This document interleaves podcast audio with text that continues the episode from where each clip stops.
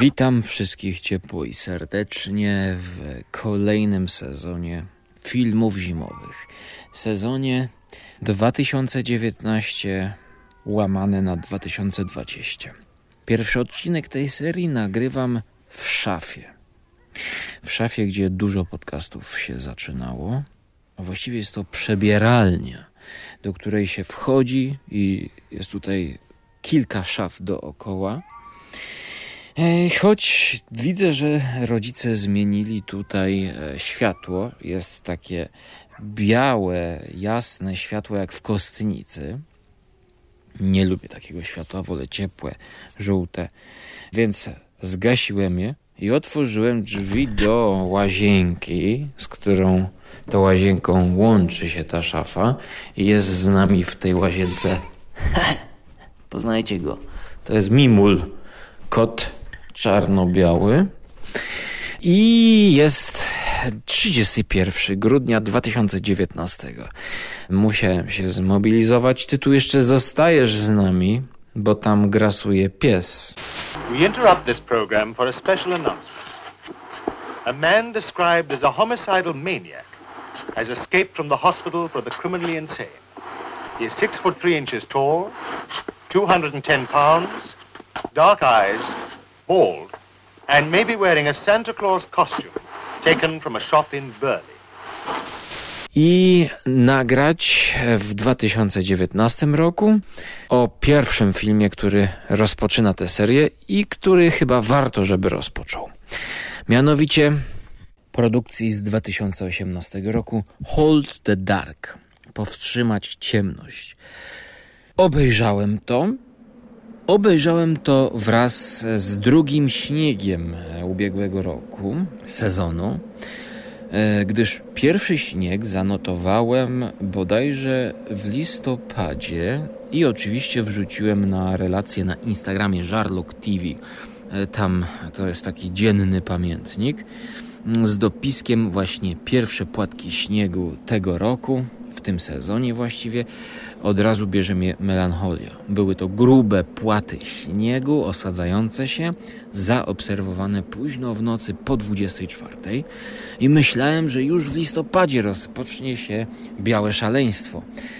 A tutaj niestety dopiero w Wigilię e, w Polsce Południowej tak zwanej troszkę spadło śniegu i właściwie po Wigilii. Pierwszy, drugi dzień świąt i właśnie wtedy pomyślałem, trzeba odpalić te filmy. Gala, proszę cię, ja ciebie proszę. Odpalić te filmy, które mają dużo śniegu. Ale zanim rozpoczniemy z przytupem, to powiem Wam o kilku filmach, które właściwie tak zazębiają się i w tym okresie pasują, czyli filmy świąteczno-zimowe. Te dzieła były recenzowane przez Huberta w jego serii Świąteczne horrory. Tak więc mamy tutaj taki crossover, gdzie czasami nasze produkcje się zazębiają, tylko jakimś smutnym trafem niestety Hubert od kilkudziesięciu lat nie chce się zabrać za Frozen, narciarski slasher. Dlatego prześladujcie go, gdyż może powiedzieć on o nim coś ciekawego, o ile go obejrzy. Ja w tym roku zabrałem się za takie horrory zimowe, gdzie troszkę tam skapało tego białego puchu. Gala, proszę cię. Nie chcesz. No nie chcesz tam wyjść, tam jest pies puszczony po mieszkaniu chodzi. Zrozum to. Rozniósł bycie na szczępy.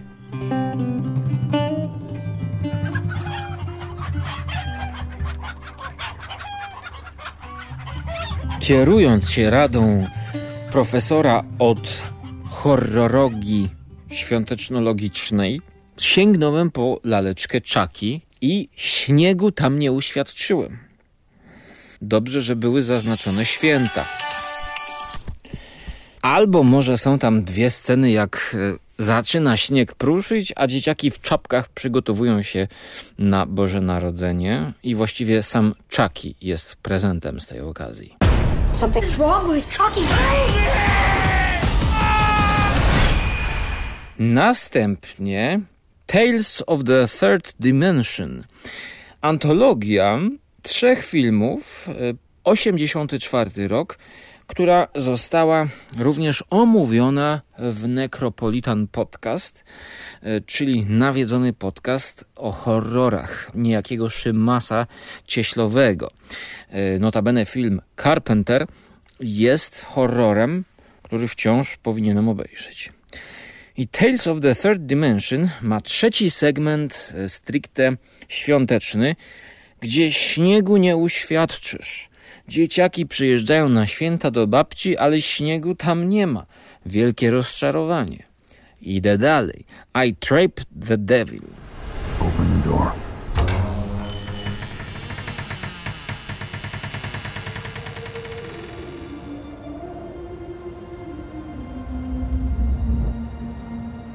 Jest to film, który oglądało mi się bardzo dobrze. Zarówno wizualnie, klimatycznie, mm, aktorsko, ale ocena 4 na 10 wymagałaby dłuższego uzasadnienia. Jest świątecznie, ale znowu brakuje nam śniegu. I podobało mi się, że to było wszystko w jednym domu. Ale jeszcze bardziej podobała mi się antologia świąteczna, również bez śniegu, co do której już tak za bardzo nie miałam się do czego przyczepić i dostała ocenę 6 na 10. I właściwie tutaj na, na styku tych wszystkich filmów, o których wspomniałem, Laleczka Chucky, Tales of the Third Dimension, I Trapped the Devil i All the Creatures Were Steering, ujawnia nam się bolączka tych świąt i tego sezonu. Otóż święta są, a śniegu nie ma w żadnych z tych filmów. I tak właśnie jest w naszej rzeczywistości, szanowni państwo. I dlatego można się było wczuć w to, co jest na ekranie. Jeśli miałbym polecać najlepszą antologię świąteczną, jaką obejrzałem, no to właśnie All the Creatures Were Steering, czyli antologia z niezwykle ciekawym łącznikiem. Tutaj wszystkie segmenty tej antologii są o Christmas Eve, czyli e, powinien być śnieg, a śniegu nie ma. W dodatku w pierwszym segmencie gra tutaj przepiękna aktorka, e, która mm, pojawiła się w świadku horrorowym dzięki głównej roli w T-Westowym dziele The House The, the Devil Lives. E, tak to bleże było z 2009. Przepiękna kobieta w mojej opinii. I nie pamiętam, szkoda, że nie, nie, pamiętam jak ma na imię, jak się nazywa. Natomiast e, co do tego segmentu spoiwa, e, które scala całe, wszystkie segmenty, to jest to dosyć wyjątkowe, gdyż obserwujemy parę, która właśnie na święta idzie e, do teatru. I can't wait to watch you all die.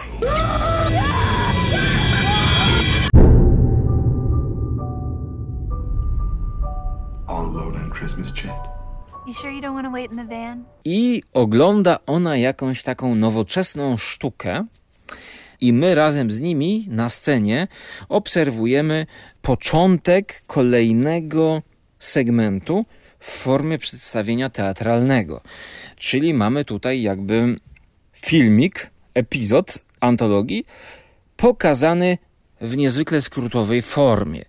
E, tłumaczę, jeżeli będzie opowieść o człowieku, który jeździ samochodem czy autobusem e, kupić prezenty w święta, chce wrócić do domu, to tutaj jeden z aktorów pokazuje, jakby miał kierownicę, e, druga aktorka trzyma jakiś symbol, na przykład koło, co symbolizuje pełnię i, i, i to jest bardzo fajnie właśnie pokazane jako takie streszczenie tego, co będziemy oglądać w formie języka teatru. Dodatkowo jest element tablicy z tytułem. Pewna tajemnicza dama z ekipy aktorskiej pokazuje kolejne karty z, z napisami oznaczającymi tytuł kolejnego show.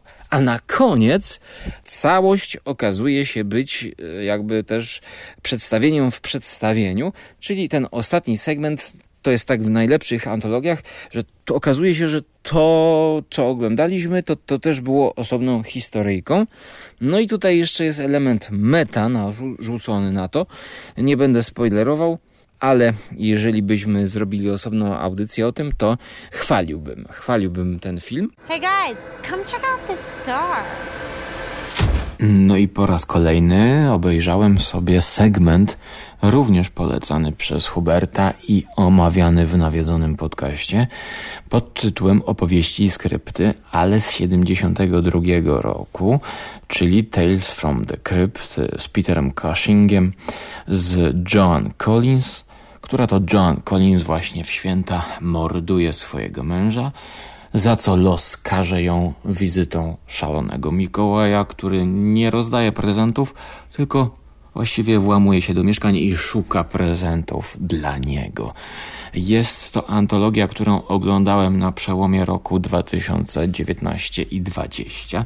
Nagrywam to na początku stycznia, 1 stycznia Powiem wam, że opowieści skrypty to jest e, antologia niezwykle właśnie świąteczna pozytywna w swoim przesłaniu, gdyż tutaj widzimy losy mm, śmiałków, którzy wchodzą do krypty i opowiadane są im historie przez tego mistrza krypty, który gra Ralph Richardson. To jest dla każdego z tych postaci nauka, co w życiu robił źle i dlaczego teraz no, nie będę spoilerował zakończenia łącznika. Świetna antologia, uwielbiam. Peter Cushing gra takiego starszego dziadka. Ostatnia część e, opowiada zaś o pewnym wojskowym, który ma dowodzić e, przyczółkiem dla niewidomych i nie patrzy na nich z empatią, nie patrzy na drugiego człowieka. Mm, tak więc przesłanie każdej z tych opowieści jest e, no, takie świąteczne, można by powiedzieć, skierowane na człowieka, humanitarne przesłanie. E, jest to produkcja Amikusa, czyli można by powiedzieć, jest to Hammer w ówczesnej, współczesnej Brytanii. Wspaniałe kostiumy, y, wspaniałe scenografie. Oglądałem to już po raz drugi. Ocena 8 na 10 to jest jedna z moich ulubionych tego typu produkcji. in Tales from the Crypt. Who's next? Perhaps you? No, a Joan Collins Y, morduje w święta. I chociaż śniegu, jak, śniegu jako takiego tutaj jest niewiele, to w końcowym y, y, odcinku jest zima bo właśnie ci niewidomi e, siedzą w przyczółku i mamy pokazany za oknem śnieg padający i właśnie mróz i zimno, jak z Lovecrafta przychodzi do nich do przyczółku i tam facet odcina im ogrzewanie i oni muszą się na nim jakoś zemścić. Znaczy nie muszą, ale chcą. Tak więc nie zadzierajcie z niewidomymi i nie zadzierajcie z gatekeeperem. Who's next? Perhaps you?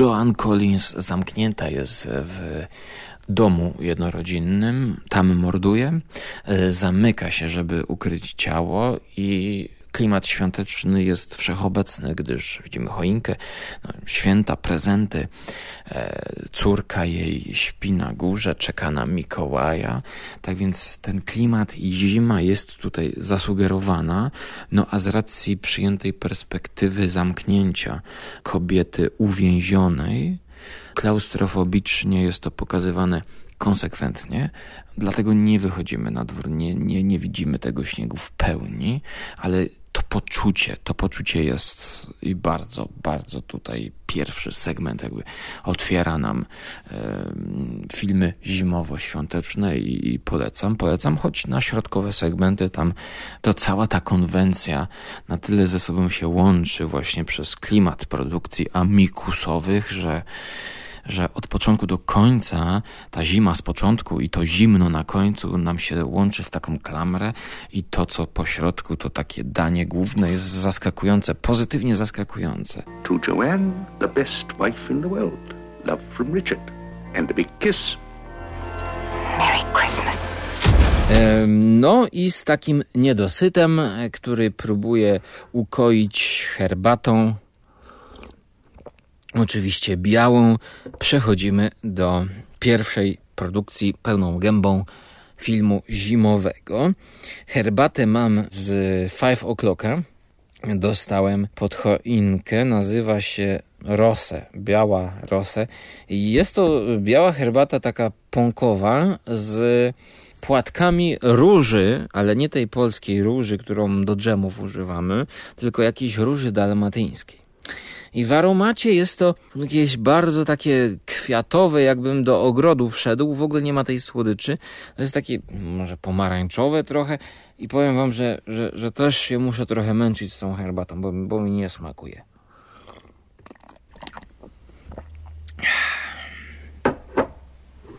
A więc Powstrzymać mrok to dwugodzinna produkcja z 2018 roku z dobrze znanym nam aktorem, Murzynem, którego znam z widzenia, ale nie z nazwiska, Jeffrey Wright.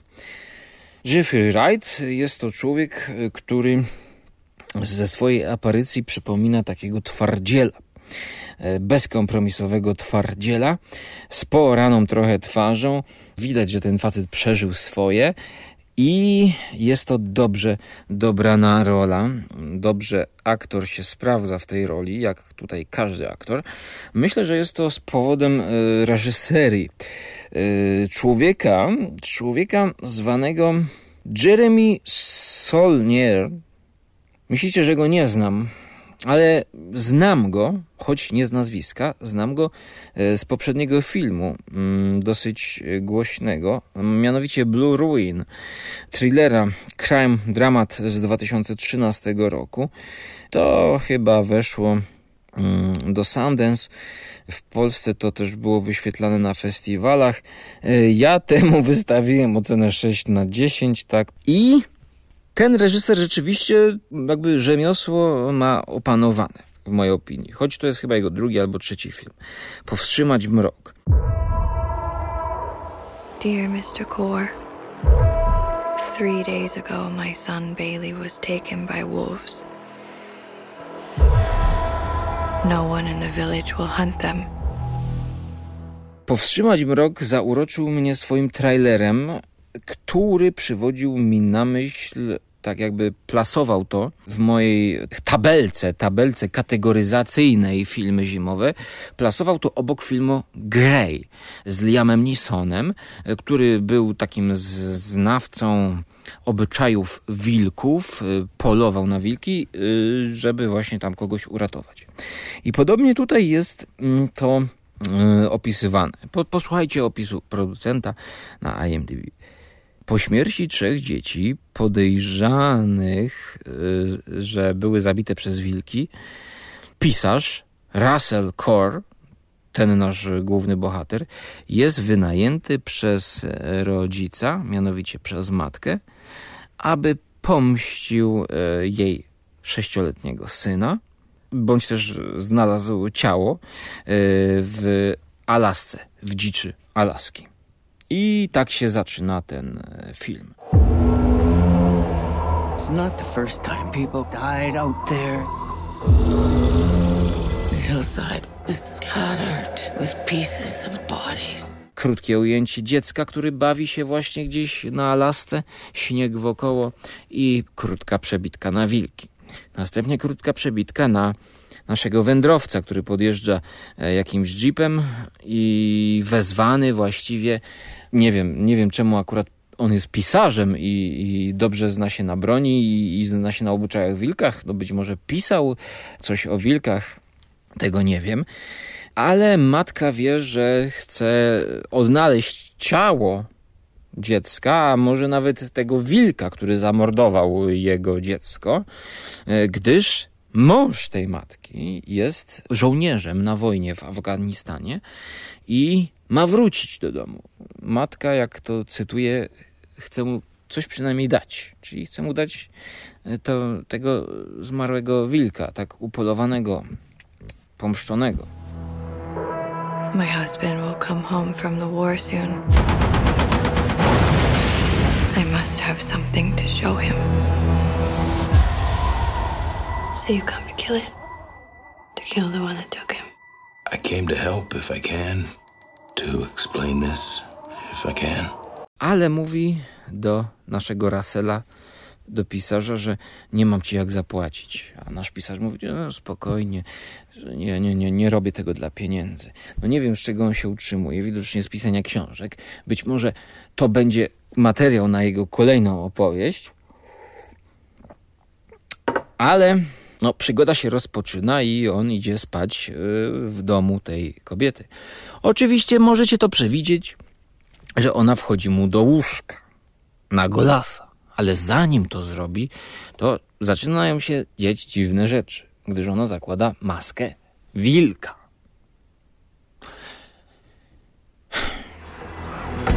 That's what you get when you talk to the villagers. People are dying.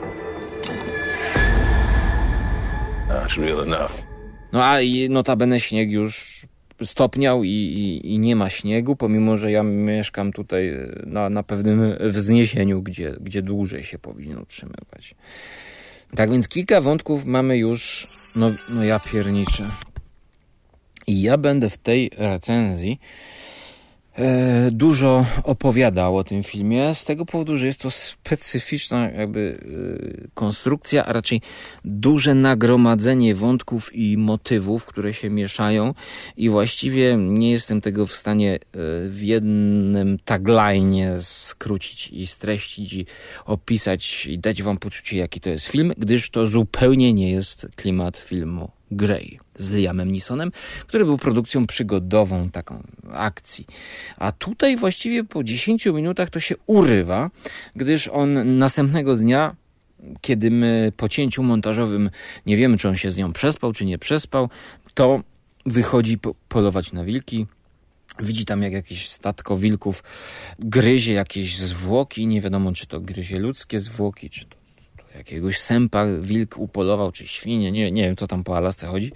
I mamy teraz przejście nagle, niespodziewanie do Afganistanu. Upał, atmosfera rodem z filmu Sniper Clint'a Eastwooda i widzimy męża tej kobiety, tego żołnierza właśnie który idzie przez wioskę w Afganistanie. E, najpierw jak terminator obsługuje działko na jeepie, broniąc siebie i swoich towarzyszy, gdyż tam są narazi, narażeni na ostrzał. No i następnie przenosimy się razem z nim do wioski w Afganistanie wszystko jest pokazywane z bardzo, z dużym dystansem. E, jest ukazany taki chłód wojny.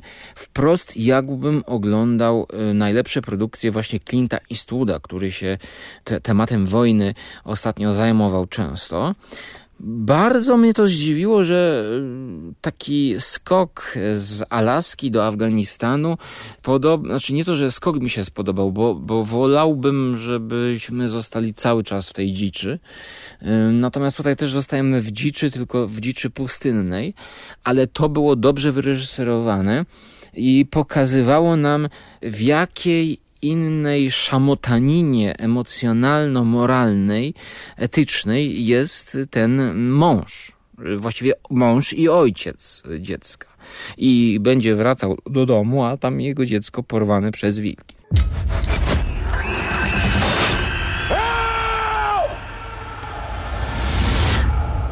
Leave us to the devils pali papierosa, jest jakby zupełnie chłodny, uodporniony na to zło wojny, y, na, na, te, na tę przemoc i widzi w okienku, że pewna kobieta miejscowa jest gwałcona przez żołnierza.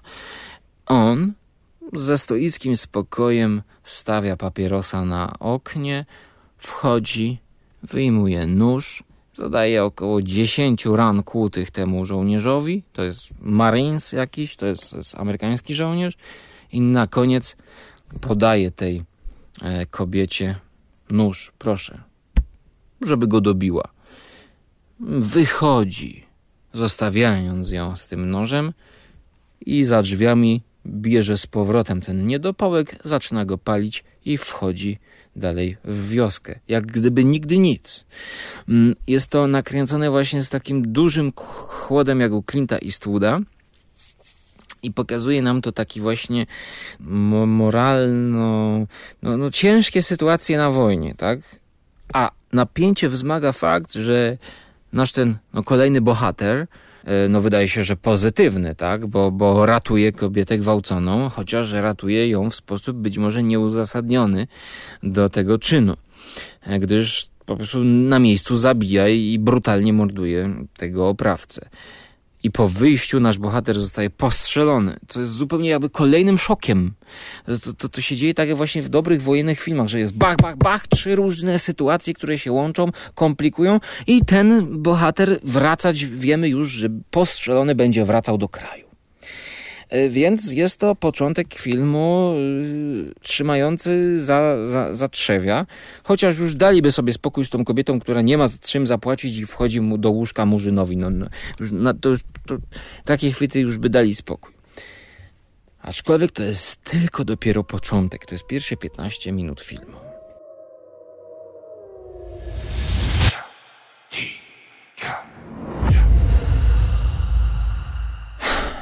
Ja ten film oceniam 6 na 10. Mnie się to oglądało dobrze. Bo było dużo śniegu i było dużo atrakcji. Ale ten film ma jeden wielki problem. Otóż, szanowni państwo, ten film właściwie mógłby zrecenzować Mando w serii Świąteczne Horrory, gdyż jest tam jakiś chyba motyw, że mm, to tam się zbliżają święta, albo ten żołnierz ma wracać na święta. I tak naprawdę, jeśli miałbym skrócić i opisać bez streszczenia fabuły, to słuchajcie, to to jest prequel do slashera wraz ze slasherem, przygodowym slasherem, który się kończy jeszcze zostawiając furtkę do sequela tego slashera. I ten slasher podczas akcji, podczas filmu miesza się z filmem przygodowym, z filmem kryminalnym, z filmem akcji, z filmem policyjnym, e, z filmem e, właśnie takim o Alaskan Wilderness. E, mieliśmy takie przypadki tego filmu z tym gościem, który grał w Herdlockerze.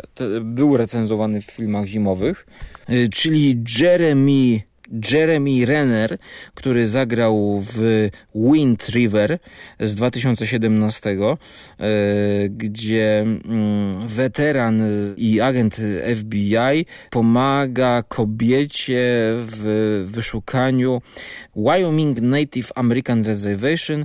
Młodej kobiety, już nie pamiętam zupełnie, ale pamiętam, że tam był jeszcze motyw indiański miejscowej ludności etnicznej, e, która jest w konflikcie z policją, oskarżając ją o no właściwie zagrabienie tutaj tradycji, terenów do życia, etc., etc. I to też tutaj się pojawia. Ja, zanim zacznę opowiadać, to jeszcze raz powtórzę, słuchajcie, ten film zahacza o slasher. Nie powiem, że tutaj jest za dużo grzybów w barszczu. Tutaj jest zupełnie inna sytuacja. Tutaj jest nie tylko barszcz, ale tutaj jest barszcz, rosół, ramen, grzybowa i pomidorowa w jednym nie barszczu, tylko w jednym garnku włożona, zmieszana i zaserwowana dla mnie na święta. I ja mówię, mnie to smakuje, dlatego że zarówno ta pomidorowa, jak i grzybowa były całkiem dobrymi zupami. Tylko było ich tak dużo, że zlewa się to i po godzinie jedzenia ja niestety powiedziałem basta, przyspieszam ten film. Tu jest tyle materiału, że można by obdarzyć może siedem osobnych produkcji. I to nie jest moim zdaniem dzieło postmodernistyczne, jakie uprawia kino Tarantino, który, jeżeli już chce zrobić taki miszmasz i chce wymieszać no, gatunki, tak jak powiedzmy w Kill Billu, to on nie robi osobno zupy grzybowej, pomidorowej, koperkowej i wszystko zlewa do jednego garnka, tylko on podchodzi do tego w taki sposób, że Słuchajcie, najpierw skonstruujmy i zamówmy specjalny garnek, w którym zaczniemy robić i mieszać zupę, która będzie łączyć wszystkie te smaki w jedną nową e, jakość. E, Pracuję najpierw nad tym garnkiem, a następnie gotuję te wszystkie zupy w jednym garnku, łącząc to w jeden smak. Tutaj widać szwy.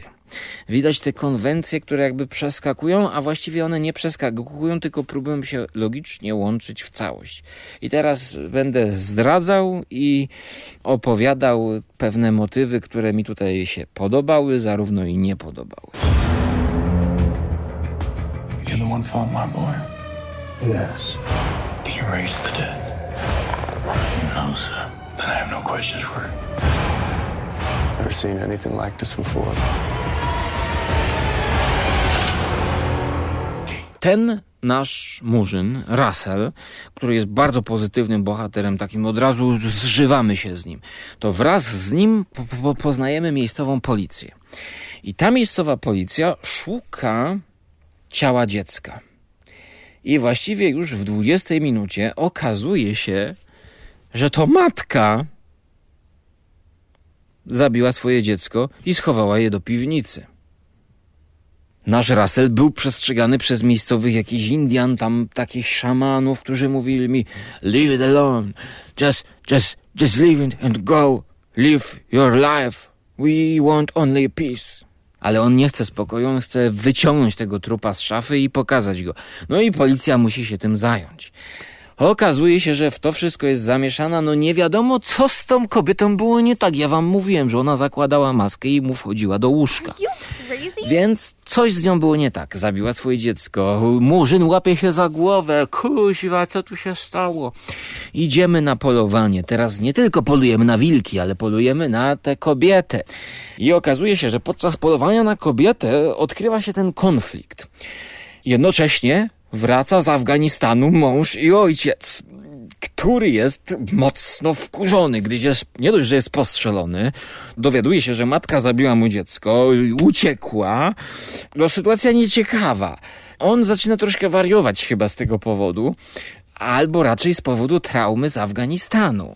Więc już tam zdajemy sobie sprawę, że ten Afganistan musiał go zmienić. Tylko nie wiem, co odbiło tej kobiecie, że, że dziecko zamordowała i schowała do piwnicy. I idziemy, skupiamy się na tym, a tu nagle okazuje się, że reżyser bardzo chce pokazać wojnę pomiędzy Native Americans, y, Wyoming, tam Alaskan American Ethnical y, Locals between police. Police who doesn't understand needs of Indians. I jest ten Indian, który też kiedyś stracił dziecko. I on o tym dziecku rozmawia nawet z tym policjantem. Policjant z sercem na tacę do niego przychodzi i mówi Stary Indianinie, wyjdź z tej chaty. Przyszedłem tutaj, żeby z tobą porozmawiać pokojowo.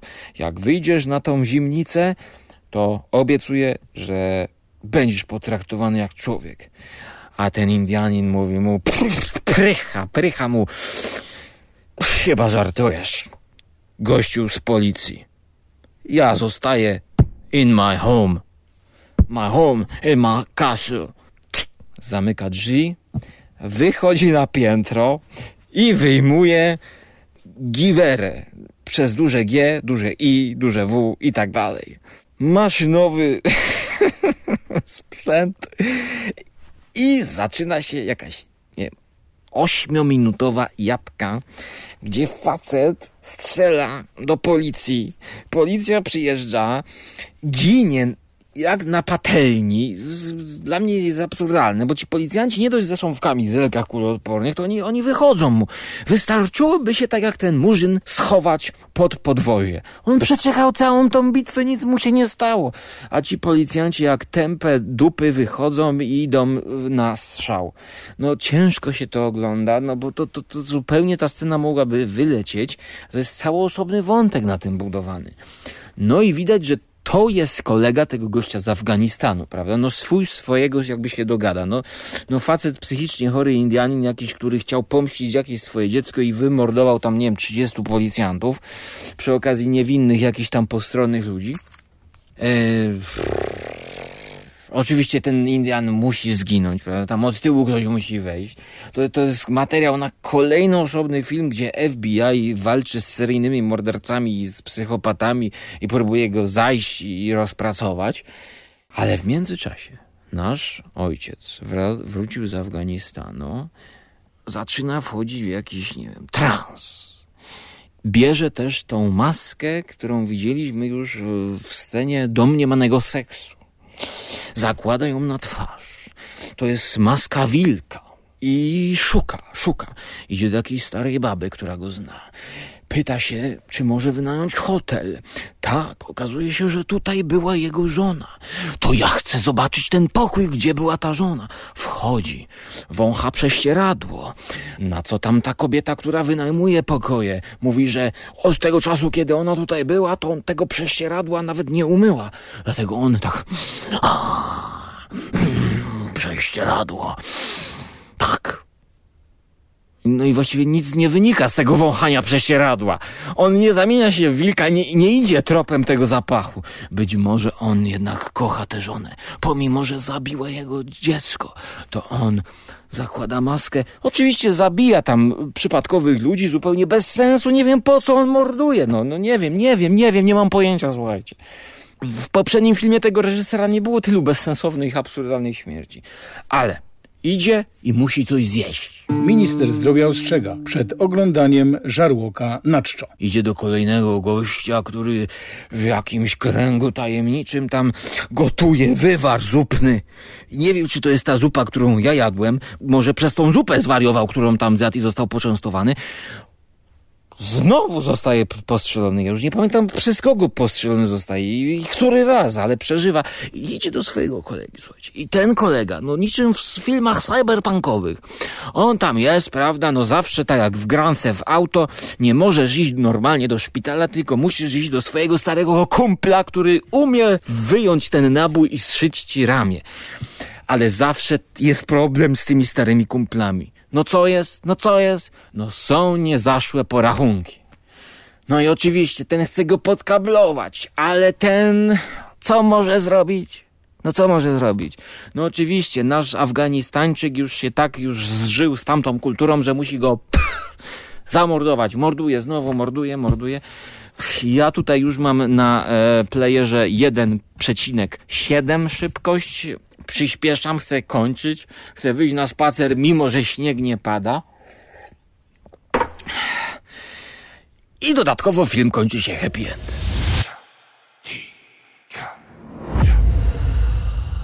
Nie wiem, jak udało im się to zrobić, ale film kończy się happy endem i nadal pozostajemy przy głównym bohaterze, naszym murzynie pisarzu, no który chyba napisze książkę.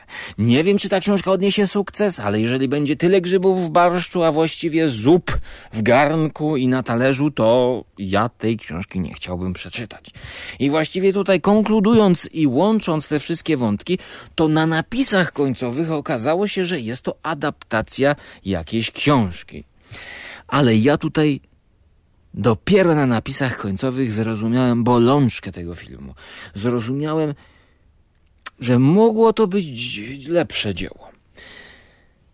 Ja poczułem, że jest to po prostu adaptacja książki zrobiona tak, jak się w Polsce robi lektury, czyli po prostu toczka w toczkę. Tak jak Garis zrobił Lśnienie, które było po prostu scena po scenie z książki. No niestety widać, że to jest nieudolna adaptacja jakiegoś tekstu to powinno być zrobione być może przez tego reżysera. Nie wiem, jak do tego doszło, ale tutaj naprawdę robi się slasher, to nie są moje słowa, to znaczy, widzicie, to są moje słowa, ale to nie są słowa wydumane, gdyż po prostu ten gościu z Afganistanu chodzi z tą maską i normalnie z tą maską morduje i zabija ludzi. Więc my mamy już w, poło- e, no, w trzech czwartych filmu widzimy gościa w masce wilka, Normalnie sceny jak ze slashera, który bezsensownie, absurdalnie morduje w coraz to inne, wydumane sposoby. Temu wbije nóż w głowę normalnie. Tego zastrzeli, tego, nie wiem, tam zrzuci. I mamy jednocześnie genezę. Skąd się wzięło zło i, te absurdalne śmierci? Prawda? On pochodzi z Afganistanu i tam to zło w niego weszło i, i co się dzieje? On ma swój cel. Wymordować wszystkich, no znaczy teraz wy, wymyślam na poczekaniu, którzy są jakoś zamieszani yy, w śmierć jego dziecka, albo nie wiem, byli w określonym kręgu 50 kilometrów, kiedy to dziecko było, umierało przez jego matkę, bo on tak kocha matkę, że w ostatniej scenie jeszcze idzie z nią się wykąpać i idą do łóżka właściwie pod taflę wody. Słuchajcie, jest to dla mnie trochę takie trudne do wczucia się. Ale oglądało się fajnie, bo muzyka jest na poziomie hollywoodzkim. Aktorstwo jakby w każdej tej konwencji jest dobre. No tylko to się kupy nie trzyma razem ze sobą. No przepraszam bardzo. Już mi gardło wysiada. I patrząc na czasomierz, no to już myślę, że nie będziemy łączyć tego z kolejną produkcją, tylko zapowiemy ją, gdyż zacząłem ją oglądać, ale nie skończyłem. I to, że muszę ją rozkładać na raty, to już coś wam mówi, że to będzie chyba jeszcze poziom jeszcze niżej. Znaczy, nie, ten film 6 na 10 daje mu, albo 6 z minusem. To teraz będziemy w następnym odcinku przechodzić do filmu klasy B, mianowicie Don't Blink. Nie mrugaj. O grupce ludzi, którzy wyjeżdżają na wyjazd narciarski, chyba do domku zimowego i tam coś złego się dzieje. Już mamy do czynienia stricte z e, konwencją horroru z aktorami, którzy zawsze marzyli o tym, aby być aktorami i tutaj przez przypadek jakiś znajomy musiał ich chyba zatrudnić do tego filmu Don't Blink, dlatego nie mrugajcie swoimi oczyma, miejcie uszy szeroko otwarte i stay tuned. Subskrybujcie konglomerat podcastowy, e, słuchajcie na Spotify, na iTunes, po prostu bądźcie w eterze, gdyż cały czas publikujemy i rozpoczyna się rok 2020. Wchodzimy z naszym niszowym hobby. Narty, snowboard, sanki, spacery, wyjazdy, wypady, podcasting, radio, filmy, horror, nisza w niszy i tutaj jakby mamy swój kącik. Ja mam swoją szafę. Nie wiem ile jeszcze będę miał do niej dostęp.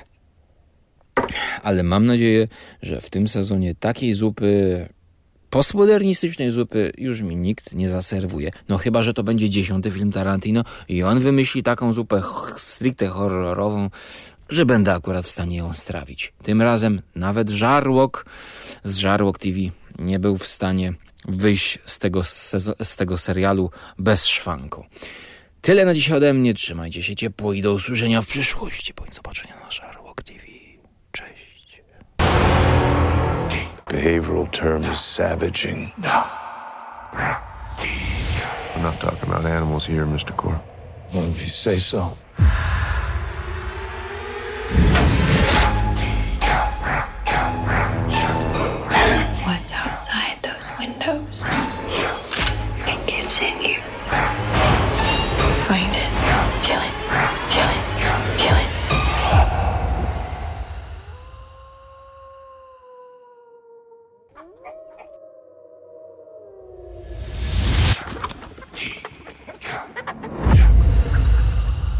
I za 26 minut będzie Sylwester i Nowy Rok. A ja si- siedzę z kotem i nagrywam audycję.